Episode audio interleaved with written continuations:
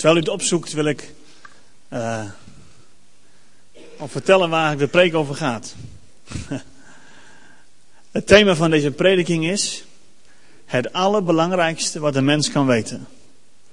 En het allerbelangrijkste wat een mens kan doen. Daar gaat het over.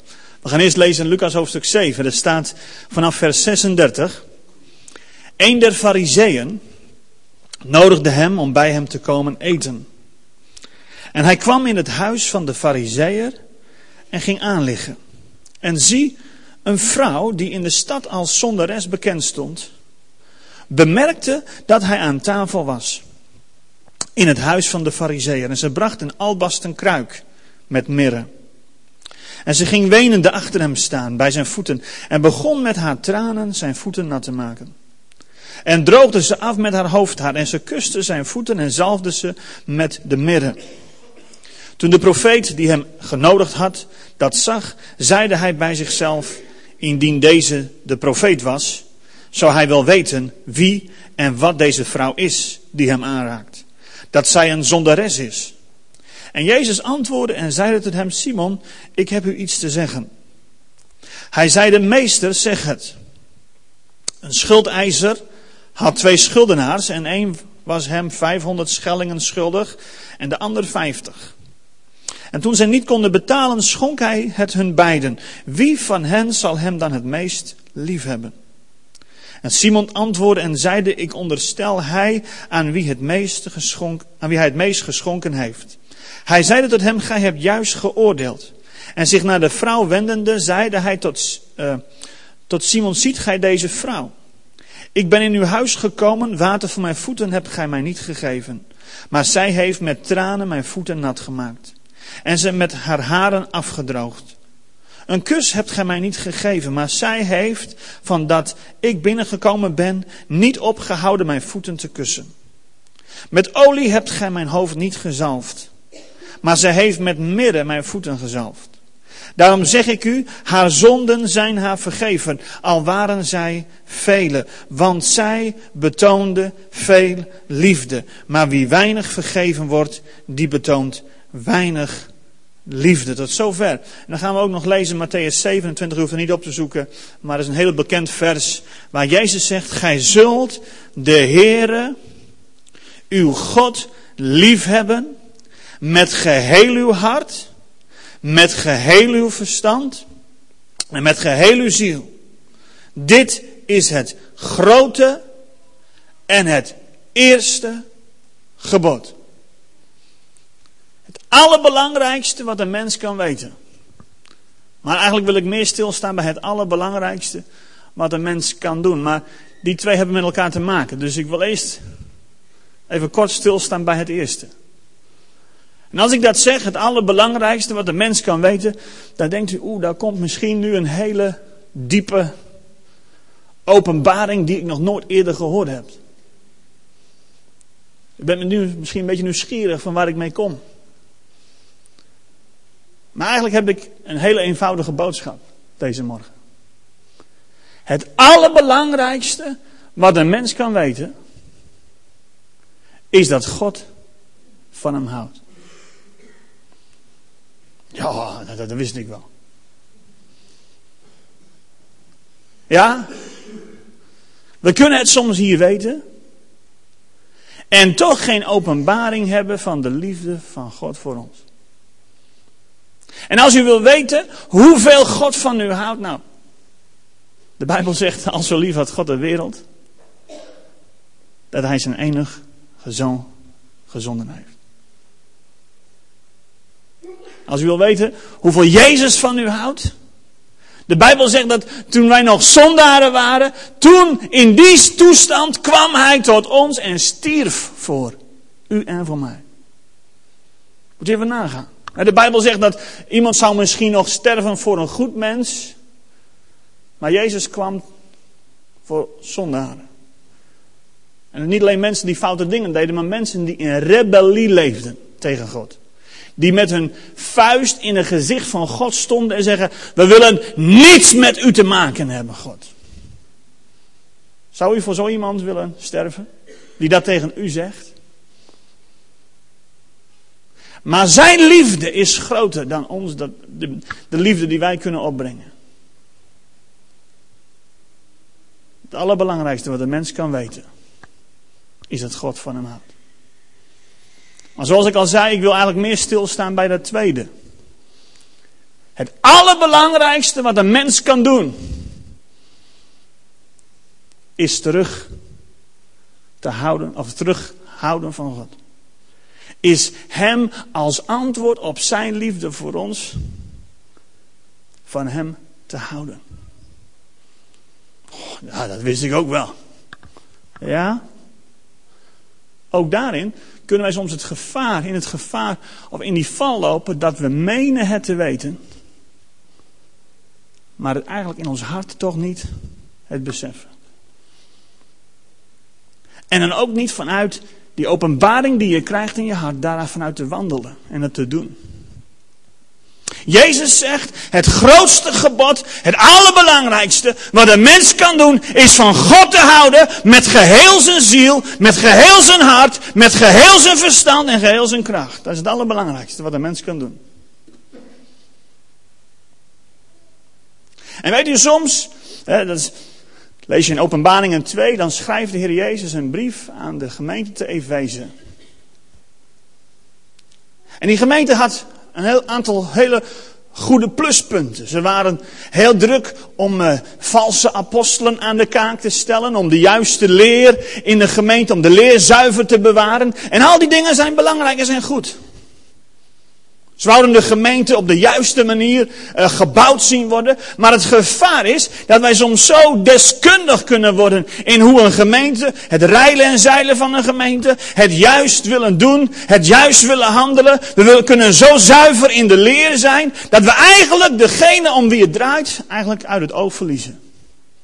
De heer van de gemeente, het hoofd van de gemeente, uit het oog verliezen. De God van de Bijbel, terwijl we de Bijbel zo serieus nemen en het, en het zuiver willen brengen, toch de persoon achter alles uit het oog verliezen. En dan zegt ook de Heer Jezus tegen die gemeente, hij zegt, ik heb, ik heb één ding tegen u. En dat is dat je die eerste liefde hebt verzaakt. Want dat is eigenlijk waar het in eerste instantie om draait allerbelangrijkste wat een mens kan doen, is niet in eerste instantie dat je zuiver in de leer bent. Dat is ook belangrijk. Ik zeg niet dat het niet belangrijk is. Maar het allerbelangrijkste is dat je van God houdt. In de Bijbel heb je daar een woord voor. Dat woord wat de Bijbel gebruikt om uit te drukken wat het is om van God te houden. Dat is het woordje aanbidding. Aanbidding. En als wij het woordje aanbidding horen, dan denken we al snel aan, oh ja, dat, is, dat doen we op zondag. Aanbidding is, dan, op zondag dan wordt er muziek gemaakt en dan wordt er van ons verwacht dat we gaan aanbidden. En dat is, dat is ook zo. Dat is ook een heel belangrijk onderdeel van, van de aanbidding, van het uiten van onze liefde naar Hem. Het geven van onze aanbidding aan God, waarin wij Hem laten weten, God, ik hou van U. Maar aanbidding is veel meer dan dat. Aanbidding behoort niet alleen iets te zijn wat we doen op zondagmorgen, maar het is een levensstijl van aanbidding. De Bijbel heeft een, er staat in Colossensen 3 vers 23, er staat wat u ook doet, doe alle werk met plezier, alsof het voor de Here is en niet voor mensen. Als je deze tekst goed op je in laat werken, dan zegt deze tekst, wat je ook doet, als je het voor de Heer doet en niet voor mensen, dan is alles wat je doet is een daad van aanbidding. Dan maakt het niet uit of je slager bent, of automonteur, of directeur van een, van, een bedrijf. Alles wat je doet als aan de Heer wordt dan een daad van aanbidding. Dan wordt je werk als je het als aan de Heer doet, een daad van aanbidding. Dan wordt het, het buitenzetten van de vuilnis. Je kunt denken, ja, moord van mijn vrouw. Nee, ik doe het als aan de Heer. En weet je wat er dan gebeurt? Dan wordt aanbidding een levensstijl die je 24 uur per dag kunt praktiseren. En dan is wat we op zondag doen, is slechts een van de hoogtepunten waarin je extra je liefde aan God kan tonen. Dus het is een, een levensstijl van aanbidding. Het enige verschil is, voor wie doe je het? Als je verandert voor wie je iets doet, dan verandert het van. Ik ga naar mijn werk, ja, maar ik moet geld hebben. Dat is natuurlijk ook zo. Maar je kunt ook naar je werk gaan uit een hele andere houding. Ik doe alles als aan de Heer. Als een daad van aanbidding tot God. Maar even specifieker. Die aanbidding. De Bijbel spreekt over dat God zoekt aanbidders. Wist u dat? En als u dat verband ziet, waarin Jezus dat zegt, dat is het verband tussen dat hij een vrouw ontmoet bij de put in Samaria, midden op de dag. De Bijbel zegt dat het was, het was uh, uh, omstreeks midden, midden, midden op de dag dat deze vrouw bij die put kwam om water te putten. Nou, normaal kwam niemand midden op de dag bij de put, want dan was het veel te heet. Dan dus de zon die stond het hoogst. En niemand ging in, in dat soort van een uh, temperatuur, gingen ze zware inspanningen doen. Maar deze vrouw dacht, weet je, ik heb genoeg mensen even onder ogen gezien. Ik heb helemaal geen zin om iemand uh, te ontmoeten. Ik ga wel even midden op de dag, dan is er toch niemand bij de put. Maar daar zat Jezus. En Jezus komt met haar in gesprek. En Jezus die, die openbaart aan haar, moet even een lang verhaal kort maken. Hij openbaart dat zij dorstig is. Niet naar het water uit die put, maar er is een dorst in haar hart die zij heeft gezocht om die te lessen. En dan zegt Jezus, je hebt vijf mannen gehad. En de man die je nu hebt is je man niet. Ik weet, jij hebt het gezocht in het behagen van mannen.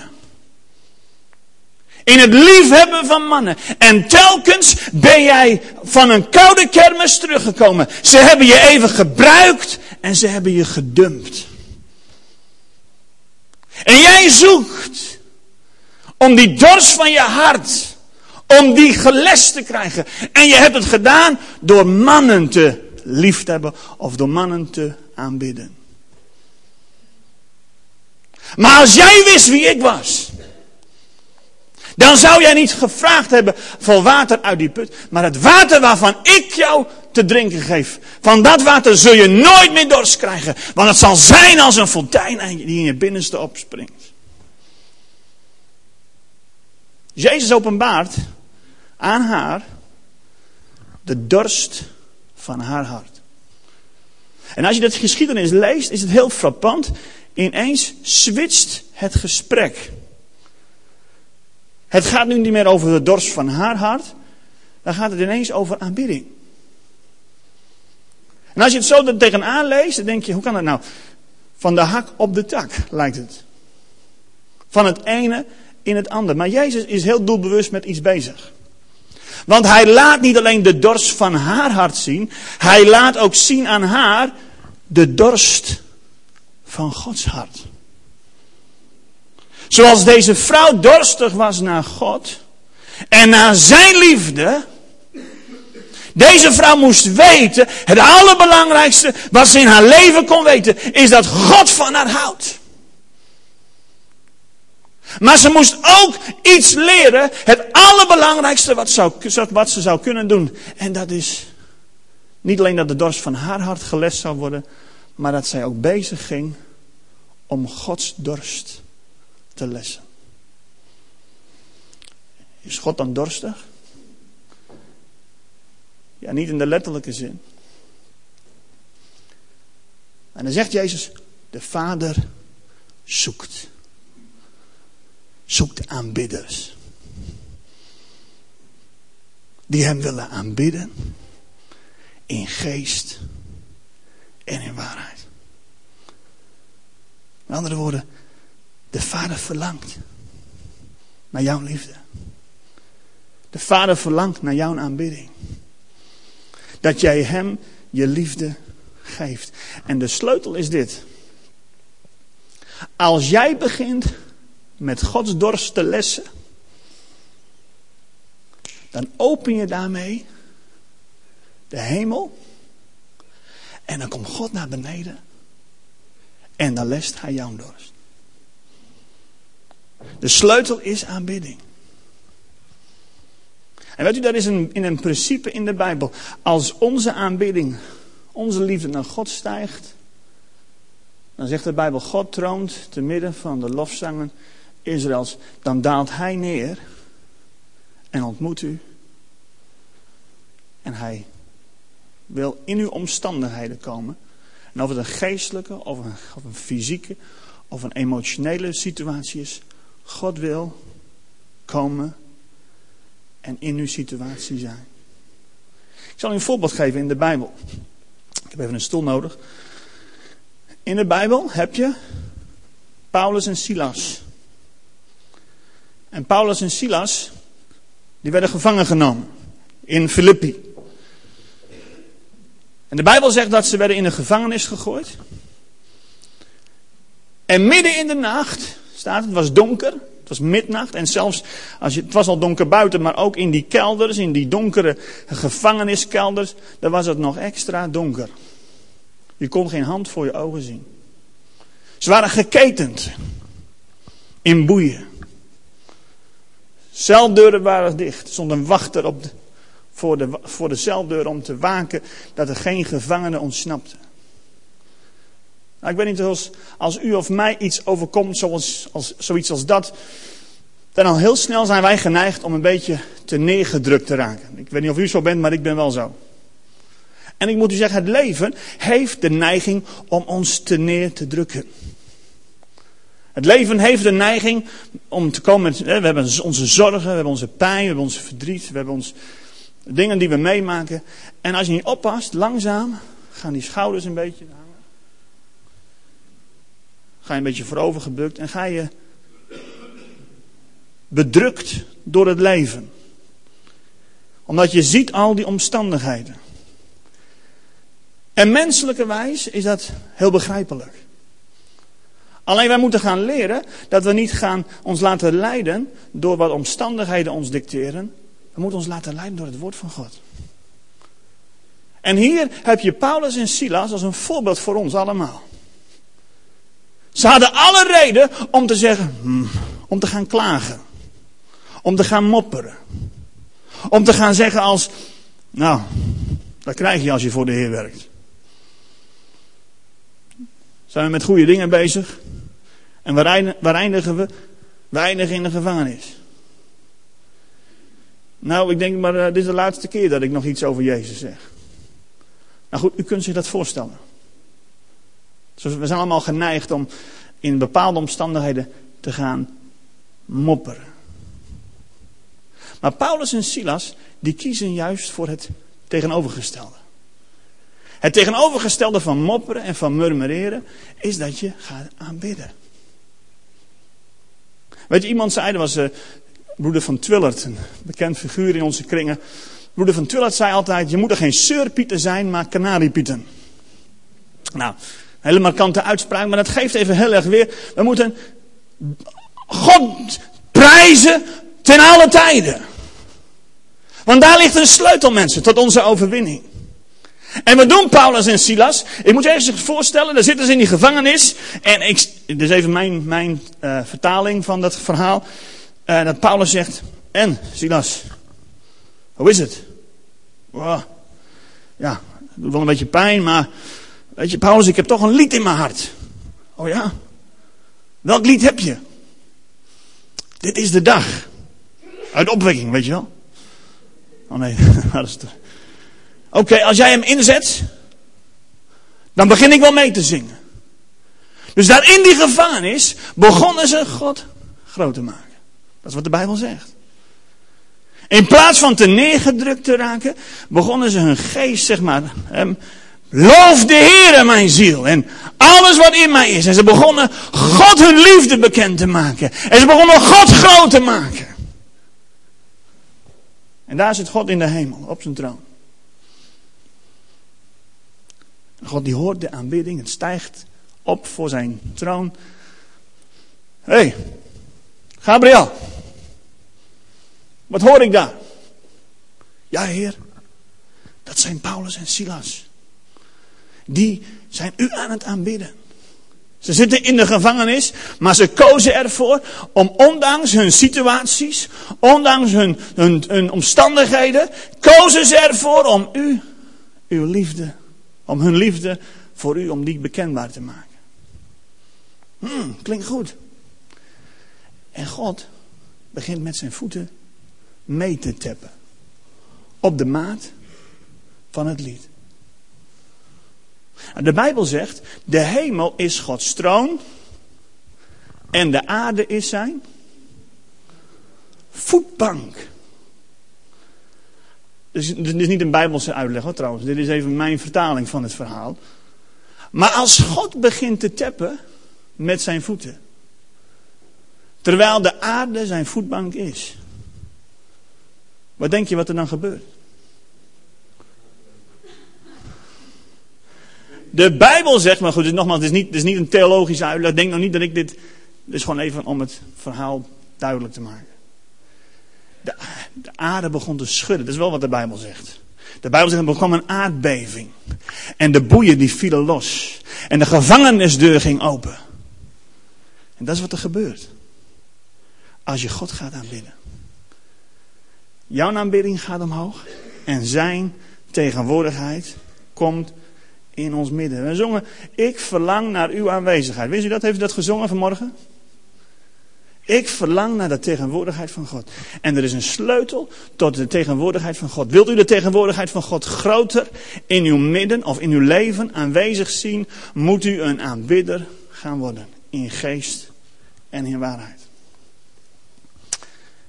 In de Bijbel heb je een tekst die heel mooi aanbidding omschrijft. Ik wil er toch even kort bij stilstaan. Voordat we ingaan op het verhaal van deze vrouw. Van wie we gelezen hebben. In de Bijbel in Romeinen hoofdstuk 12. En ik citeer even uit het boek. Er staat. Omdat. Eigenlijk moet je het woordje omdat omcirkelen. Omdat hij u in al zijn liefdevolle goedheid aanbiedt. Laat uw lichaam een levend offer zijn, heilig, zodat het een vreugde voor God is. Hierin staat letterlijk wat aanbidding is en waar aanbidding zijn oorsprong vindt. Onze aanbidding ontstaat niet vanuit onszelf, want hier staat omdat God zijn liefdevolle goedheid, die Hij ons aanbiedt, de aanbidding, de liefde die ik voor God heb, die komt niet uit mijzelf voort, maar die komt voort uit het besef hoeveel God van mij houdt. Want ik hoor misschien mensen denken die zeggen, ja nou ja, ik hou nu eenmaal niet genoeg van God.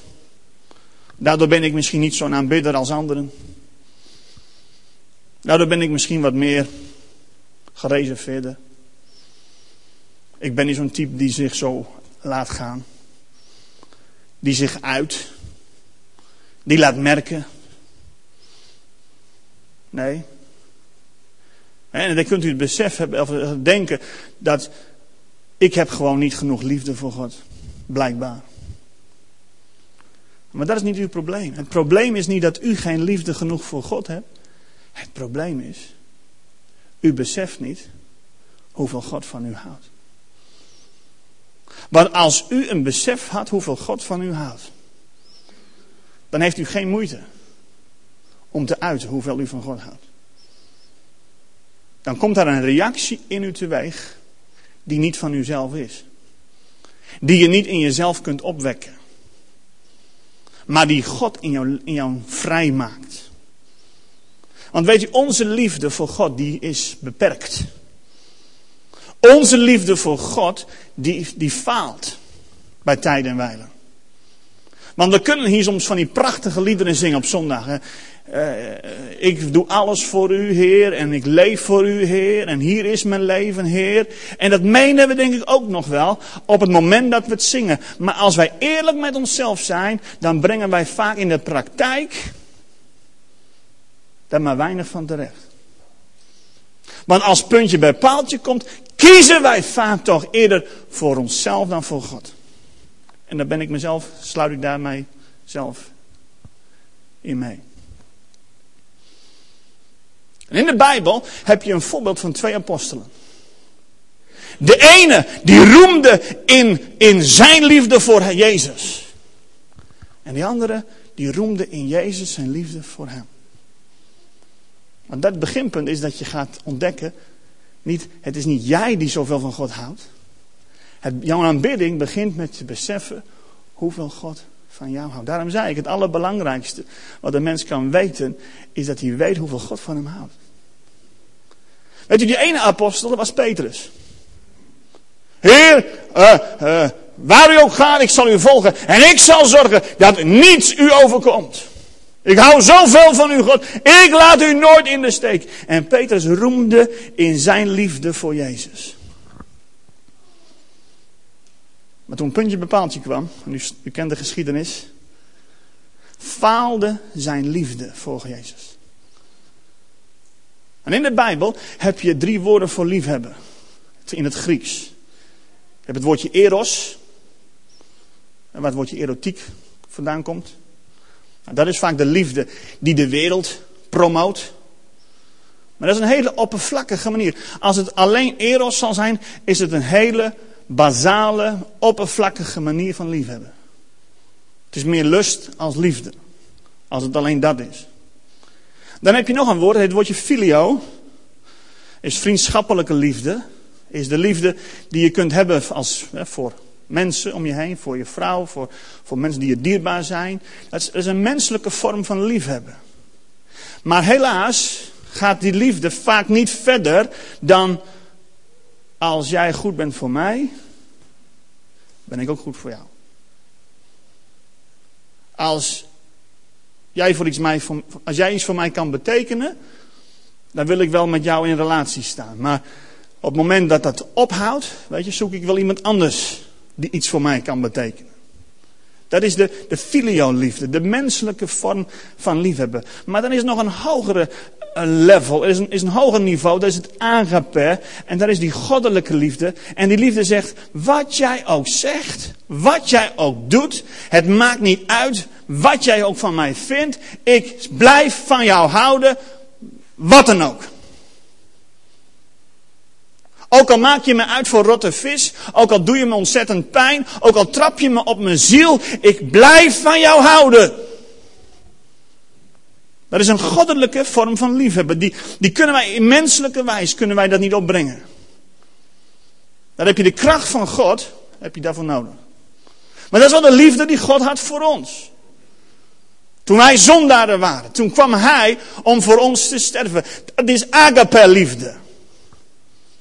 En als Petrus dan Jezus ontmoet nadat hij Jezus had verlogend, dan is daar die ontmoeting met Jezus. En dan moet u opletten in het, dat lees je niet in het, in het Nederlands, maar in het Grieks. Als je dat leest, dan zie je het verschil. Dan, zegt, gaat het als volgt. Dan zegt Jezus, Petrus, hou jij van mij? Dat is het allerbelangrijkste wat Jezus wou weten. Jezus wou niet weten, Petrus, wat kun je nou voor mij betekenen? Petrus, kun je nog iets voor mij doen? Nee, Jezus, het allerbelangrijkste, waar Jezus in geïnteresseerd is, hou je van Hem. Petrus, hou jij van mij? En dan zegt Jezus dat in het, hij gebruikt het woordje agape. En Petrus die is een beetje van zijn, die is tot de realisatie gekomen. Ik dacht dat ik agape liefde had. Maar ik moet eerlijk met Jezus zijn. Ik hou van Jezus, maar wel. Maar met filioliefde. En dan zegt Jezus: Heer, u weet toch dat ik van u houd. Filio. Hij gebruikt het woordje filio. En voor de tweede keer zegt Jezus: Petrus, hou jij van mij? En dan zegt hij opnieuw: Heer, u weet alle dingen. Ik hoef hier niet een mooi verhaal op te, op te houden. U weet, ik hou van u. Filio. En weet je wat Jezus dan doet? De derde keer. Dan daalt Jezus af naar het level van Petrus. Want Jezus weet, hij is nu eerlijk. Hij roemt niet meer in zichzelf. Hij slaat zichzelf niet meer op de borst van ik zal wel even dit en ik zal wel even dat. Hij weet dat hij vanuit zichzelf die liefde niet kan opwekken. En dat is een goede realisatie. Daar houdt God van. Dat je eerlijk bent. En dat je je afhankelijkheid van God kenbaar maakt. En dan zegt Jezus, Petrus, hou je van mij voor de derde keer. En dan daalt hij af. Hij zegt, hij gebruikt het woordje filio. En weet u, dan later maakt Jezus ook bekend, hij zegt hij in diezelfde gedeelte, hij zegt Petrus, je gaat nu, je gaat en staat waar je nu wilt, maar er komt een tijd, dan zul je weggenomen worden. En je zult sterven. Met andere woorden, Petrus, jij zult die agape liefde zul je hebben.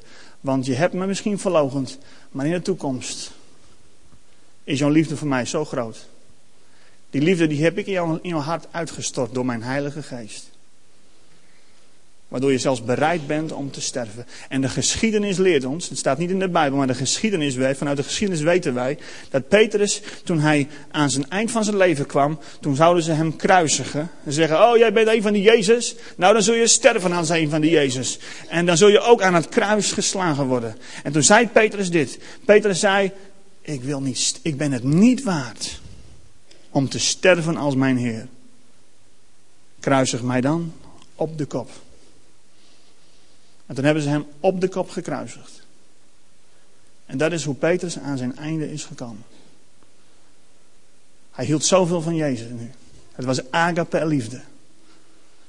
Dat hij zelfs bereid was zijn leven te geven. Uit een andere apostel is de apostel Johannes. En als je zijn evangelie leest, dan lees je drie, vier, vijf keer, lees je de apostel die de Heere lief had. Kent u dat? Moet u maar eens lezen in het evangelie van Johannes. De apostel die de Heere lief had. Johannes roemde niet in zijn liefde voor Jezus, maar in Jezus zijn liefde voor hem. Wie stond er als enige bij het kruis? Dat was de apostel Johannes. Dat brengt jou het verst. Om echt God lief te hebben. Met geheel je hart. Geheel je ziel. Om echt Hem te aanbidden in geest en in waarheid. Dat kun je niet vanuit jezelf. Nou, die geschiedenis van deze vrouw. Want ik moet even opschieten. Het is nog maar half twee, zie ik. Hoe laat is het nou? Half twaalf? Oh, meestal sluit jullie om half één, hoor ik? Of niet? nee, nee, maar mijn, uh, de kip die zit in de oven, dus uh, opschieten. Nee. Er staat hier van een Simon. En hier wordt hij de Fariseer genoemd. Weet u, in Marcus en in uh, Matthäus staat dezezelfde geschiedenis. En weet je hoe Simon dan wordt genoemd? Simon de Melaatse. Dat is vreemd. Waarom noem je iemand de Melaatse? Waarom had hij de bijnaam Simon de Melaatse? Weet je, soms heb je het hier ook wel eens. Uh, hey, ja, je moet de groeten van Jan hebben. Jan, welke Jan? Ja, Jan, Jan, weet je, Jan de Bakker. Oh, die Jan.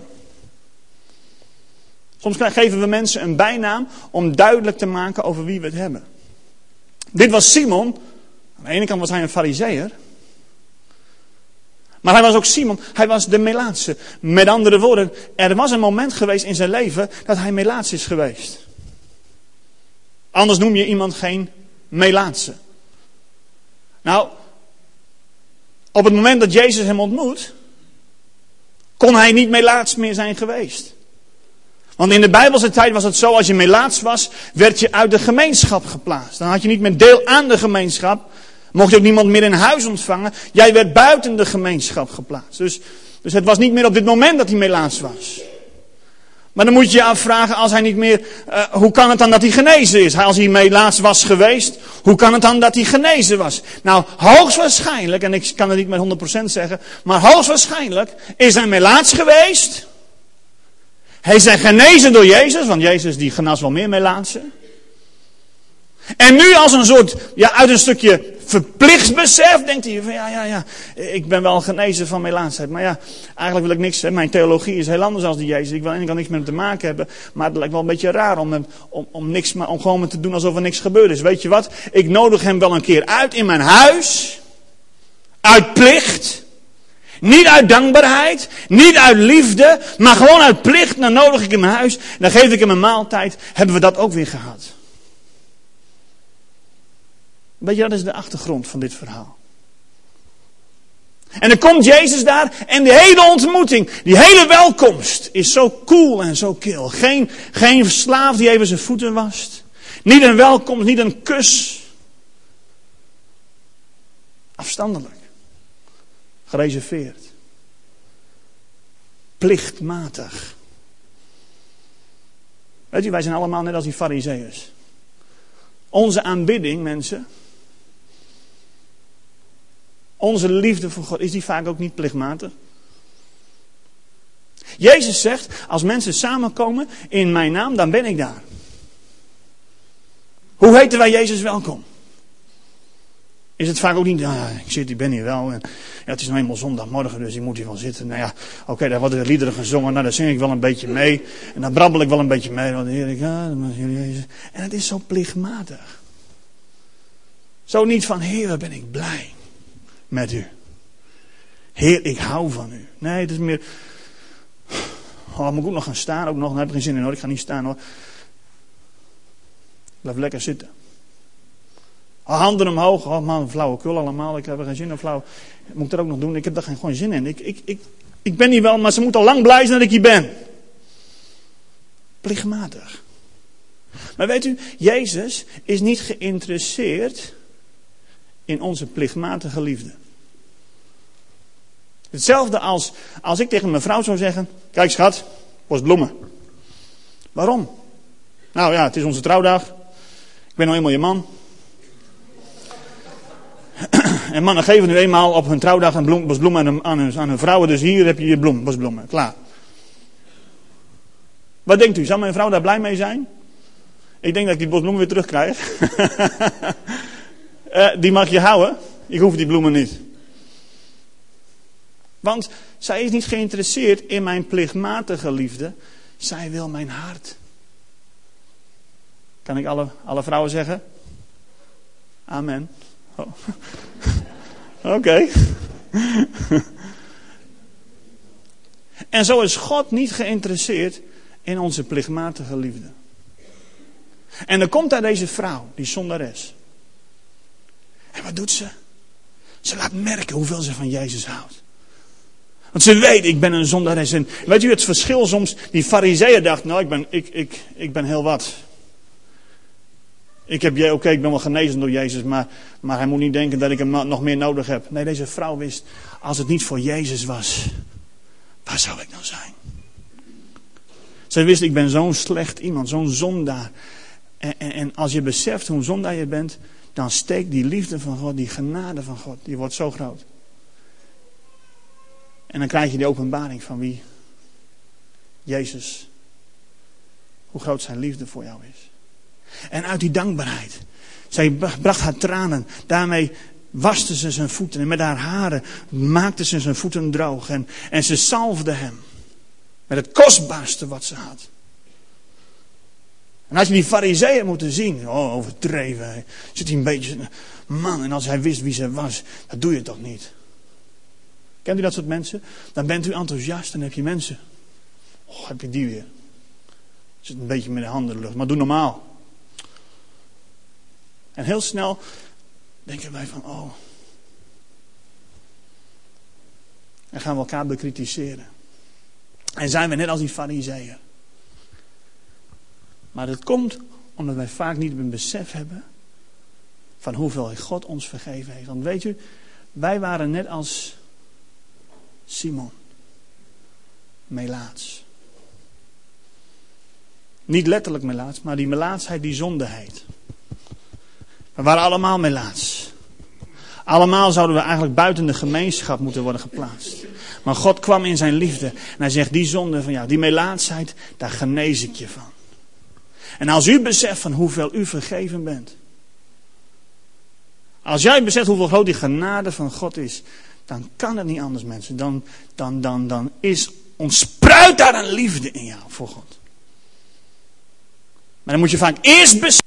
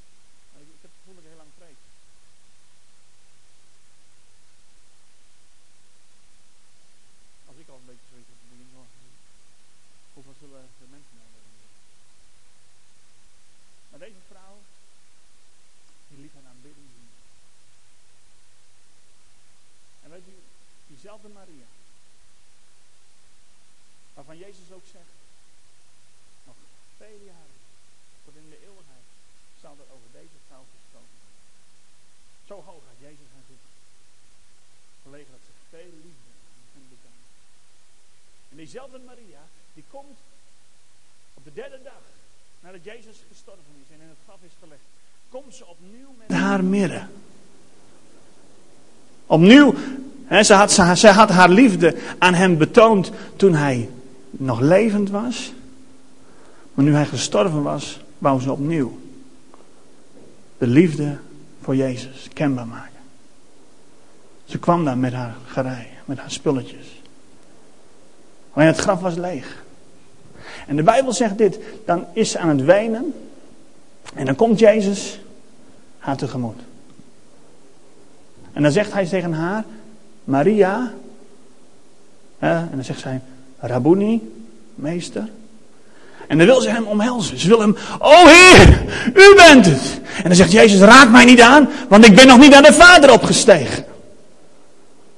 Je moet het begrijpen even in het, in het verband met het Oude Testament. In het Oude Testament, als, de, als de grote verzoendag er was geweest, dan moest de hoge priester het allerbelangrijkste wat hij moest doen op die dag, was het bloed in het heilige der heiligen brengen. En daarvoor had hij zich gereinigd. Daarvoor had hij zich, uh, waren van die rituelen waarmee hij, zijn, waar hij wassingen onderging. En niemand mocht hem meer aanraken vanaf dat moment. Want anders kon hij niet dat bloed op een heilige manier in het heilige der heiligen brengen. Jezus was net op het punt om naar de hemel te gaan. Hij stond misschien al halverwege Jacob's ladder. Om datgene wat in het Oude Testament als een schaduw al voorzegd was. Om dat nu in letterlijke, om het te gaan vervullen. Hij had zijn bloed gegeven en hij was nu op weg naar het heilige der heiligen in de hemel. Om daar zijn bloed te presenteren aan de Vader. En niemand mocht hem aanraken. En terwijl hij halverwege Jacob's ladder was, op weg naar de Vader, hoorde hij het gehuil Tranen van iemand die hij herkende. Het was diezelfde Maria. Die hem de voeten had gewassen. Die hem zoveel liefde had betoond. En wat deed Jezus? Halverwege zijn missie. Moet je even nagaan. Iemand die van God houdt, kan hem in zijn. Iemand wat hij aan het doen was, kan hem daarin stoppen om even zijn aandacht op jou te richten. In dit geval stopte hij met waar hij mee bezig was. En hij ging eerst naar Maria en liet haar weten: Het is goed. Maria, huil maar niet meer. Ik ben opgestaan. Ik weet wat voor een liefde je voor mij hebt. Daarom ben ik gekomen. Om je te laten weten. Vertel het aan de apostelen. Dat ik leef. Mensen, God heeft zoveel meer voor u en mij in petto. Jezus wil zoveel meer voor ons betekenen dan wij op dit moment in ons leven ervaren. Maar het begint met ons. Het begint dat wij zeggen, Heer, wij willen liefhebbers van u zijn. Aanbidders. Aanbidders in geest en in waarheid. En dan stopt God waar hij mee bezig is. En dan komt hij u tegemoet. En dan zult je gaan merken wat voor een groot God wij dienen. Groter dan wij op dit moment beseffen. Want de wereld die wacht. Niet op onze programma's. Maar de wereld wacht dat wij Jezus gaan laten reflecteren. Dat mensen in ons kunnen zien. Wij zijn liefhebbers van God. Wij houden van Jezus. Wij open bij, dat Jezus zich in ons kan openbaren. Omdat wij de prioriteiten juist hebben gesteld. Zullen we gaan bidden.